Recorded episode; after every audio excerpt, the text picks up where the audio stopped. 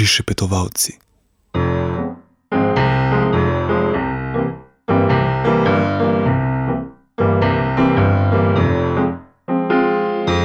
Želim živeti brez skrbi in tu jaz tiskam me ne briga.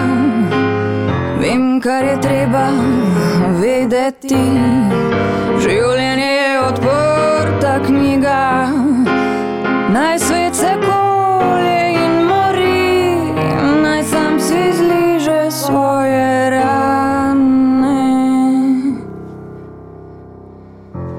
Nič več ne maram slišati, ne kvarite mi kembane. Največ je vreden mir, največ je vreden mir.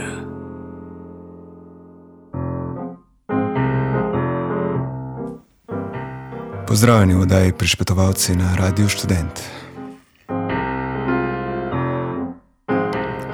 Čeprav gre verjetno za edini moment v letu, ko se država vse malo razpre in v številkah demonstrira, kaj je in kaj hoče biti, je sprejemanje proračuna samo na sebi že davno postalo politični nedogodek.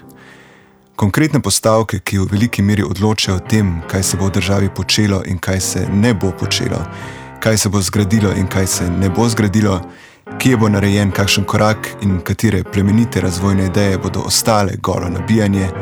Te konkretne postavke tudi tokrat očitno ne zanimajo nikogar.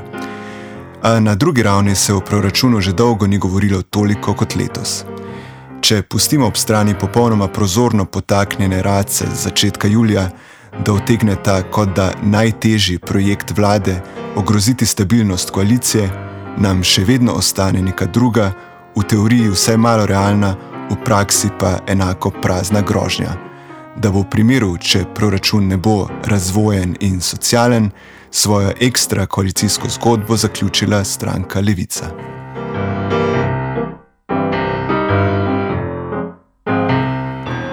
Proračun je bil skratka že od samega začetka reduciran na objekt, okrog katerega se je lahko učinkovito organiziral politični pseudospopad. In nič več kot to.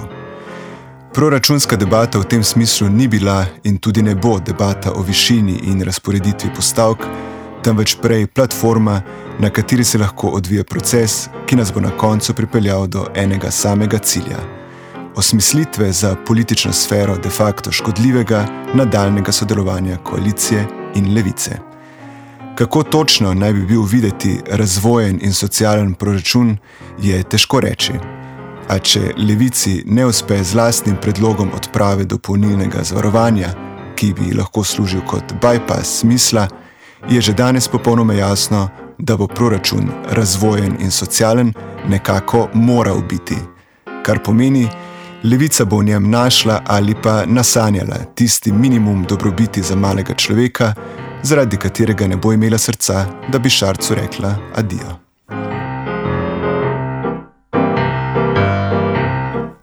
A to v resnici ni vse. Ob sprejemanju proračuna se je nekje ob strani sprožil še en proces. Proces, v katerem se bo celotna družba počasi in praktično neopazno ponovno vrnila v staro vrčevalno formo, iz katere sicer nikoli ni čisto zares izpadla. Ker sta proračuna za leto 2020 in 2021 že pred poletjem postala znana kot rekordna, je spontana ideologija nemudoma postala sumničava. Namesto da bi rekordnost vzela kot samoumevnost napredka in v proračunih raje iskala mesta, kjer je napredek ostal zablokiran, se je pred očmi zarisala malo komična, a globoko nemoralna požrtija, ki pa, hvala Bogu, ni ostala povsem nekaznovana. Dober dan. Koalicija usklajuje razrez proračunske torte. Sladkosnedi so vsi ministri, a nekatere bo vlada, kot kaže, pustila na dieti ali se vsaj ne bodo tako nasladkali, kot bi si želeli. Proračun za prihodnje leto je sicer največji do zdaj, zato so posledično zrasli tudi apetiti oziroma na večini ministrstv upanje na zadostno sredstva za ureditev razmer in izpolnitev načrtovanih programov. Spontana ideologija se seveda ni pustila zmotiti dejstvu, da sta se najbolj nasladkala notranji in obrambni minister, najmanj pa minister za okolje. Dejstvo torej, da se bomo lahko še naprej obilno sladkali ob sanacijah posledic poplav, ki jih bo nekako treba odsladkati nekje drugje. Spontana ideologija ve, da so porasli apetiti moralno sporni že na sebi.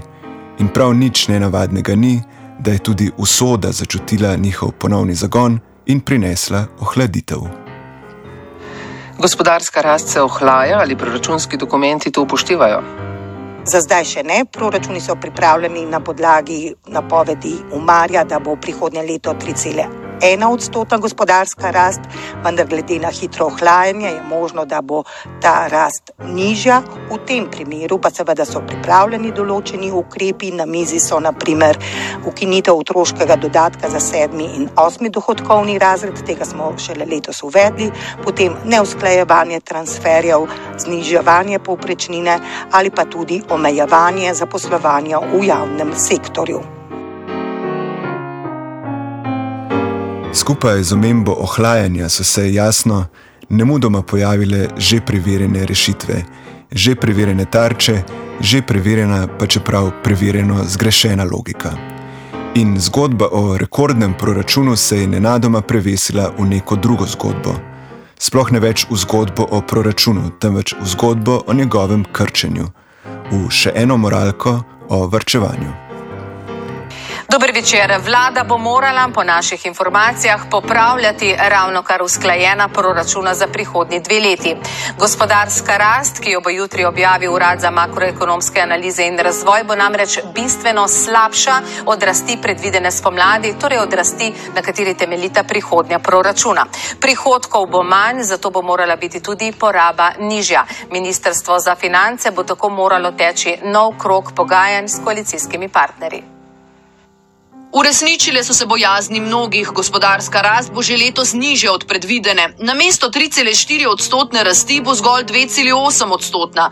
Predvidena 3,1 odstotna rast za prihodnje leto, na kateri temeljita tudi nova proračuna, pravkar usklajena s koalicijo, pa bo prav tako nižja.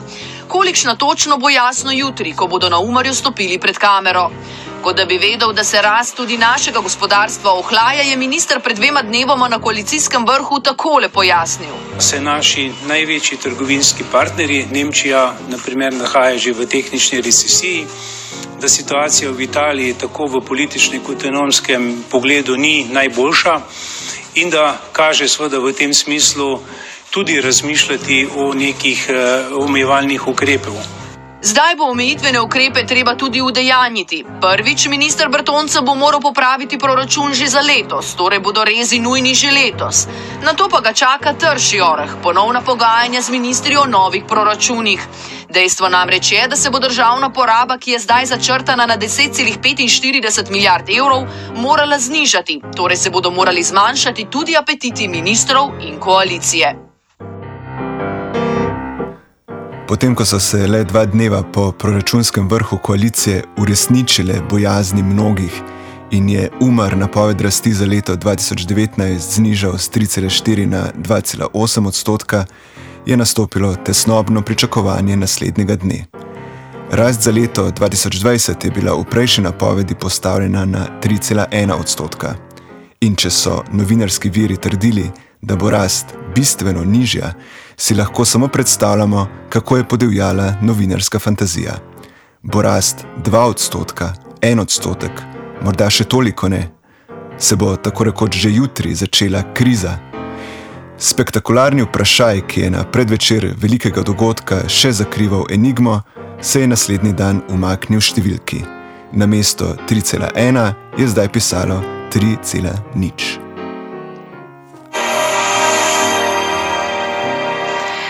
Urad za makroekonomske analize in razvoj je v jesenski napovedi znižal spomladanska pričakovanja o gospodarski rasti.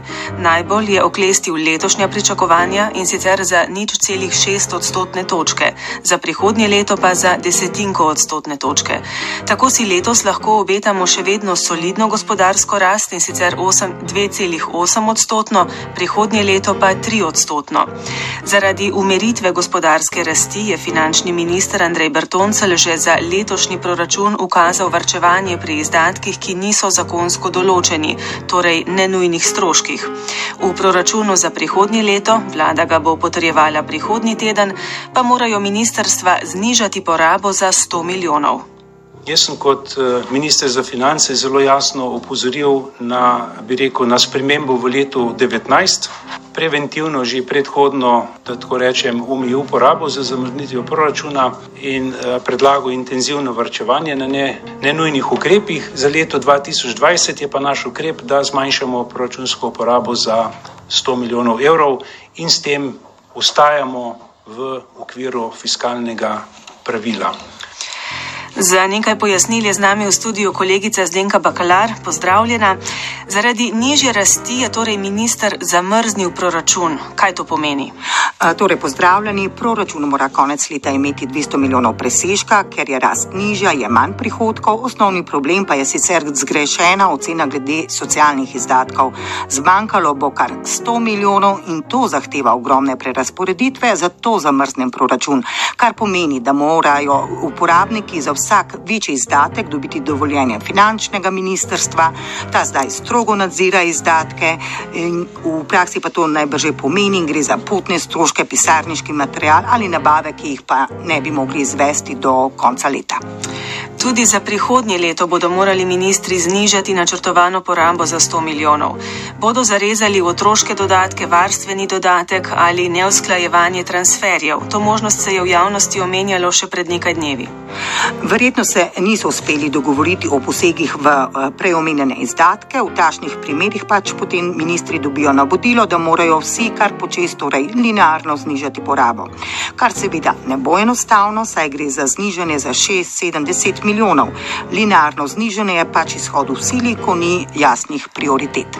Bodo vrčevali tudi pri pokojninah? Ne, finančni minister je jasno povedal, da bo tako redna kot izredna uskladitev pokojnin.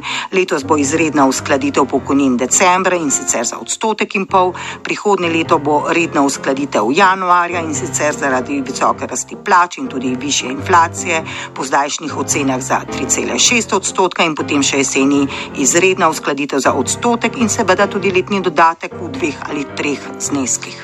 Torej, znižana gospodarska napoved ne pomeni že kriznega stanja v proračunu. Ne, za zdaj še ne, saj bo povečanje bruto domačega proizvoda kar solidno, okoli 3 odstotkov, gre za umiritev in ne padec v primeru negativnega scenarija, torej da se uresničijo vsa tveganja hkrati, pa bi bila lahko rast res zelo skromna, torej 2 odstotna, torej takrat pa tudi verjetno bolj krizne razmere v proračunu. Ob novici, da je po novi Umarjevi napovedi rast padla le za desetinko odstotne točke, novinari seveda niso bili zmožni direktne in edine smiselne reakcije.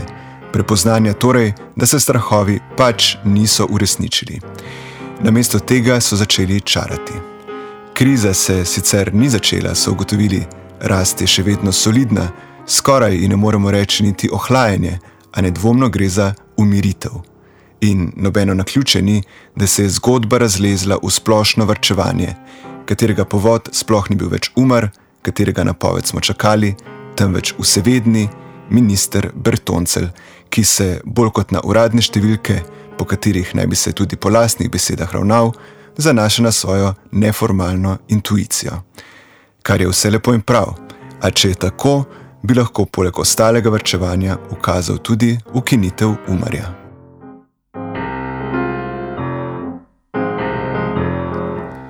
Situacija je dejansko bizarna. Minister Bertoncel, za katerim se bi se upali reči, skriva kot miš tihi kabinetni sekretar Urlep, v koaliciji nenadoma zaseda osrednje mesto. Sam ukazuje, sam podaja ocene in sam, malo doka, izračuna, da ena desetinka odstotne točke znese okroglih 100 milijonov. Na to pa še enkrat zaokaže linearni res po vseh ministrstvih neodvisno od tega, koliko je na vsakem od njih dejansko fleksibilnih sredstev. In celotna koalicija, ki jo, povemo še enkrat, sestavljajo po procentih praktično enakovredne stranke, ob tem niti ne pisne. Ker fiskalno pravilo, ki po novem zahteva točno 200 milijonov presežka. A kakorkoli, čeprav si, kot smo slišali, ne vlada, ne umar in ne novinarka Radia Slovenija na glas sploh ne upajo pomisliti na dejansko krizo, na abruptno, nenadzorljivo krizo, kjer rast postane negativna in ne res skromna, torej dvoodstotna, se že danes obnašamo, kot da saniramo njene posledice. 38 milijonov bo državni proračun privrčeval še s polletno zamrznitvijo rednega nagrajevanja javnih uslužbencev in omejenim izplačevanjem nagrajevanja za povečan obseg dela. Ukrepa veljata že nekaj let, v stavkovnem sporazumu sindikati pa so se dogovorili za podaljšanje do konca junija prihodnje leto. Doslej je to urejal zakon o izvrševanju proračuna, odslej pa bo to določeno v posebnem zakonu, s čimer bosta proračun in zakon, ki določa način njegove izvrševanja izvršitve bolj zaščitena pred političnim prepihom. V tako imenovanem interventnem zakonu so določeni še pogoji za izredno uskladitev pokojnin, prepisani so iz letošnjega ZIPRS-a, če bo rast več kot 3 odstotna, je predvidena 1 odstotna izredna uskladitev, pri več kot 4 odstotni rasti pa za odstotek in pol, ter 2 odstotna uskladitev, če bo rast več kot 5 odstotna. Sporne ukrepe z področja sociale so izločili iz interventnega zakona zato bo manj prihrankov, kot je pričakoval ministr za finance, posledično pa neuravnotežene bilance. To pa že diši po rebalansu, še preden so proračuni sploh posredovani v državni zbor.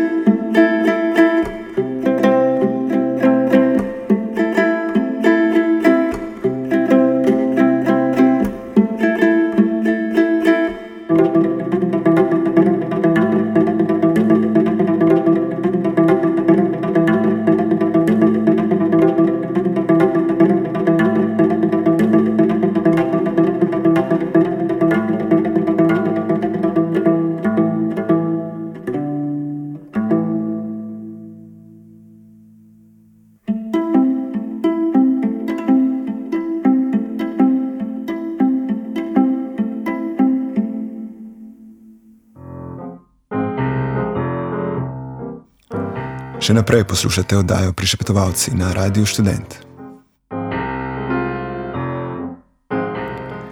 Ko si predočimo logiko, ki jo slovenski vladi delno narekuje lastna subjektivna omejenost, delno pa objektivno postavljeno in kot v skalo urezano fiskalno pravilo, ko si predočimo situacijo, v kateri proračunski presežek ni le kar se da maksimalen, ampak je v praktično manični maniri avtomatično kanaliziran v odplačevanje dolga, ko se zavemo, da nikoli več na tak ali drugačen način ne bomo ne vrčevali, nas upravičeno lahko vse mine. Pa vendar, ko na to situacijo naložimo še dodaten problem, ko se zavemo, da bi država morala nemudoma izvesti svoj največji projekt, hitro in popolno energetsko tranzicijo, se nam vendarle vsaj v teoriji jasno pokaže točka začetka. Fiskalno pravilo, to sredstvo saniranja dolžniške krize, ki krizo ohranja kot permanentno ostalino, to na pol samo potaknjeno sredstvo odprave državne suverenosti in vsakršne resne ambicije, mora biti odpravljeno. In sicer prav imenu neke druge krize, neke druge in mnogo bolj resne urgentnosti. Če je država zmožna proizvesti proračunski presežek, je zmožna ta presežek tudi investirati. In ko bo dejansko prepoznala kriznost podnebne krize, bo to postalo samoumevno. Mr. President, I would also like to particularly address climate change and sustainable development. The climate crisis is evolving faster than predicted. By crossing several planetary boundaries, we have already taken away some of the resources that belong to future generations. The unprecedented mobilization of youth on a global scale that demands immediate action, followed by the Secretary General's initiative to convene the Climate Action Summit, has finally generated a sense of urgency. The COP25, held later this year in Chile, will be of critical relevance to humanity of our planet. We owe it to our children to not sidetrack from the Paris Agreement. We need to recognize the right to a healthy living environment Climate change is a case in point for the need for effective multilateralism. The depletion of natural resources, in particular water, perpetuates the inequalities and risk of conflicts. It also forces us to rethink our current economic models and make them sustainable. The circular economic model, where resources are reduced, reused, and recycled, is inextricably linked to the implementation of the Paris Agreement and the 2030 Agenda for Sustainable de Development. For Slovenia, the transition to a sustainable and green economy is a strategic priority. Slovenia will continue to support the implementation of the Paris Agreement on climate change. In this context, we will pay special attention to sustainable use and the management of natural resources, in particular water, the promotion of a circular economy, and the preservation and protection of biodiversity. In addition, Slovenia will continue to contribute to the implementation of the 2030 Agenda with a sense of urgency. It will present the progress made over the last four years in the second voluntary review at the High Level Political Forum on Sustainable Development in 2020.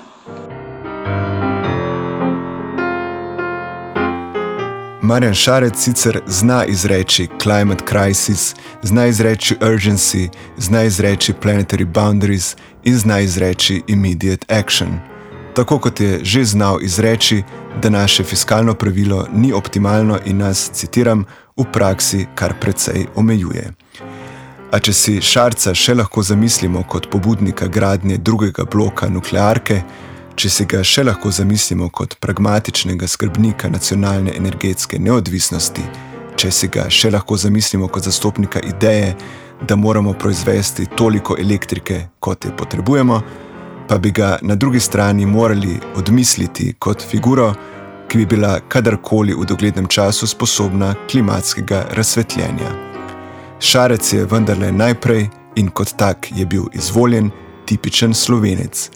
In kot tipičen slovenec ve, da je Slovenija dovolj majhna, da je bistveni del naloge lahko prepuščen nedoločenim drugim.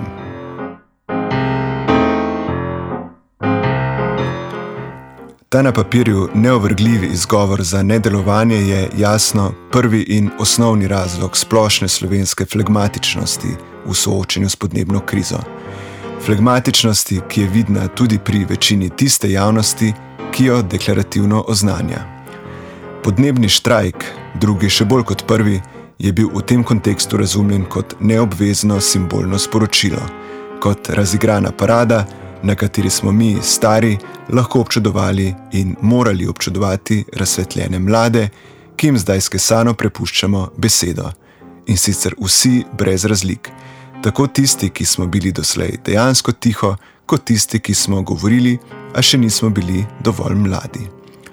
Podnebni štrajk je bil skratka razumljen kot projekcija idealizirane prihodnosti, kot praznovanje že uspešnega spopada s podnebno krizo, kot uprizoritev uspeha iz prihodnosti, ki nas lahko opere preteklega nedelovanja.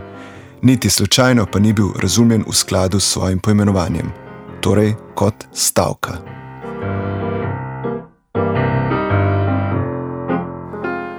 Če pozabimo, da je podnebni štrajk v svoji najbolj primarni osnovi, torej pri Greti Thunberg, stavka, blokada normalnega vsakdana, ki ne prosi za dovoljenje in ki ustraja, dokler ni podpisan zavezujoč stavkovni sporazum, se nam izmuzne za specifične slovenske razmere morda še najbolj obetaven vzvod pritiska. Oblastne strukture v najširšem smislu in na vseh ravneh so se predolgo zibale v ignoranci ekološke problematike, da bi nenadoma in brez estetizacije spremenile svojo mentaliteto.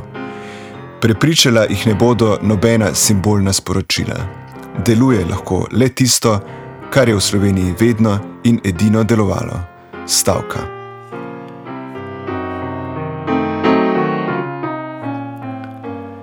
Sindikati so drugi podnebni štrajk sicer podprli, a ne kot stavko in tudi ne kot sindikati. Pripravljenost Sviza, recimo, da javno podpre protest, da pozove svoje člane naj se ga udeležijo in da pozove ravnatelje naj učencem in zaposlenim omogočijo čim večjo udeležbo, se morda sliši plemenito, a dejansko gre za povsem nepotrebno polovičarstvo. Če šolski sindikat konkretno misli resno, če se želi napajati pri mladih in pri Greti, mora slediti njeni osnovni praktični lekciji. V situaciji politične ignorance kriznosti podnebne krize ni nesmiselna le šolarjeva priprava na prihodnost, ki je ni. V tej situaciji ni nesmiselno le učenje, temveč je vsaj enako nesmiselno tudi poučevanje, ki se nenadoma razodene kot praksa, ki je osnovana na projekciji prihodnosti, za katero znanost že dolgo in vse bolj ve, da je ni. Kot praksa, ki že s samim dejstvom, da se ne pusti motiti v svojem vsakdanu, služi kot sredstvo normalizacije nenormalnega, kot nič krivi, a vendar soodgovorni instrument utajitve kriznega stanja.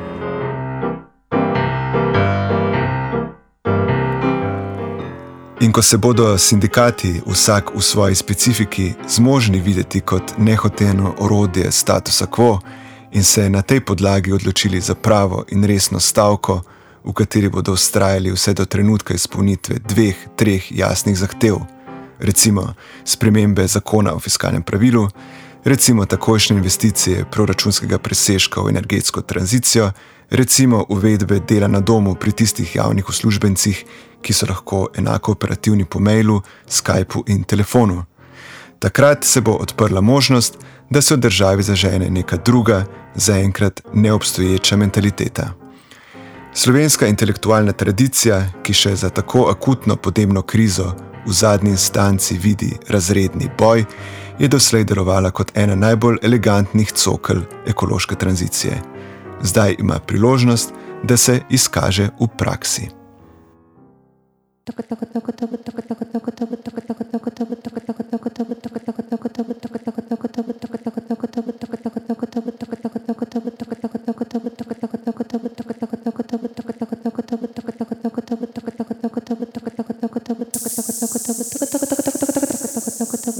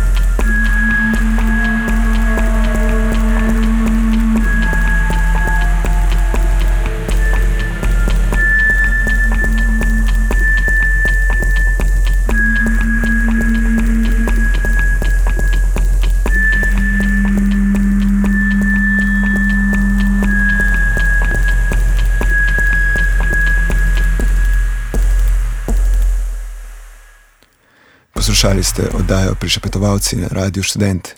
Pripravila so jo Aleš in Tadej, tehniciral je Linč.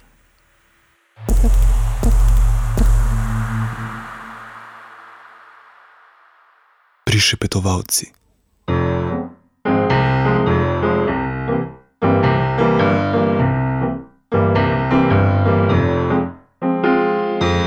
Želim živeti brez skrbi in jaz stiska me ne briga. Vem, kar je treba vedeti. Življenje je odprta knjiga, naj svet se kolje in mori, naj sam si zliže svoje rane. Nič več ne maram slišati kvarite mi kembane, največ je vreden mir, največ je vreden mir.